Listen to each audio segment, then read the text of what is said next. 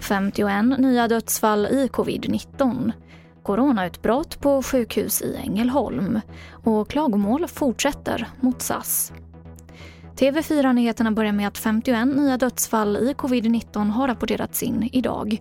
Och totalt har nu 12 649 personer avlidit av sjukdomen i Sverige.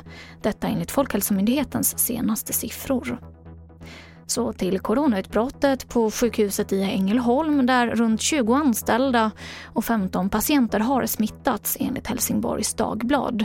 Smittspårning pågår och nästa vecka väntas svar för de virusprover som skickats på analys.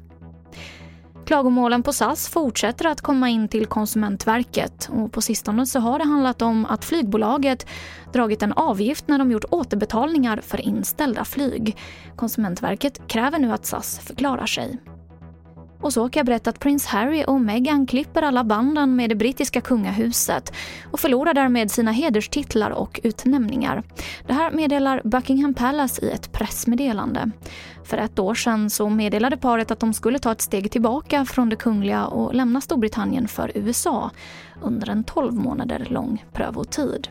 Nej, det, det, är nog väntat. Eh, däremot tror jag nog att det är väldigt många som är lite besvikna idag för att man hade väl tänkt att den här prövotiden som varade i ett år under vilken de då skulle få leva ja, lite mer privat eh, skulle resultera i att man så småningom valde att kanske komma tillbaka.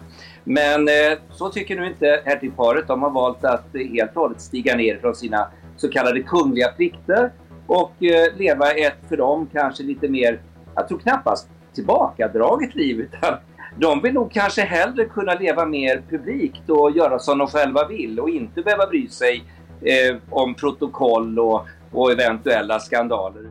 Det sa Claes-Johan Larsson som är kungaexpert. Och det var det senaste från TV4 Nyheterna. Jag heter Emily Olsson.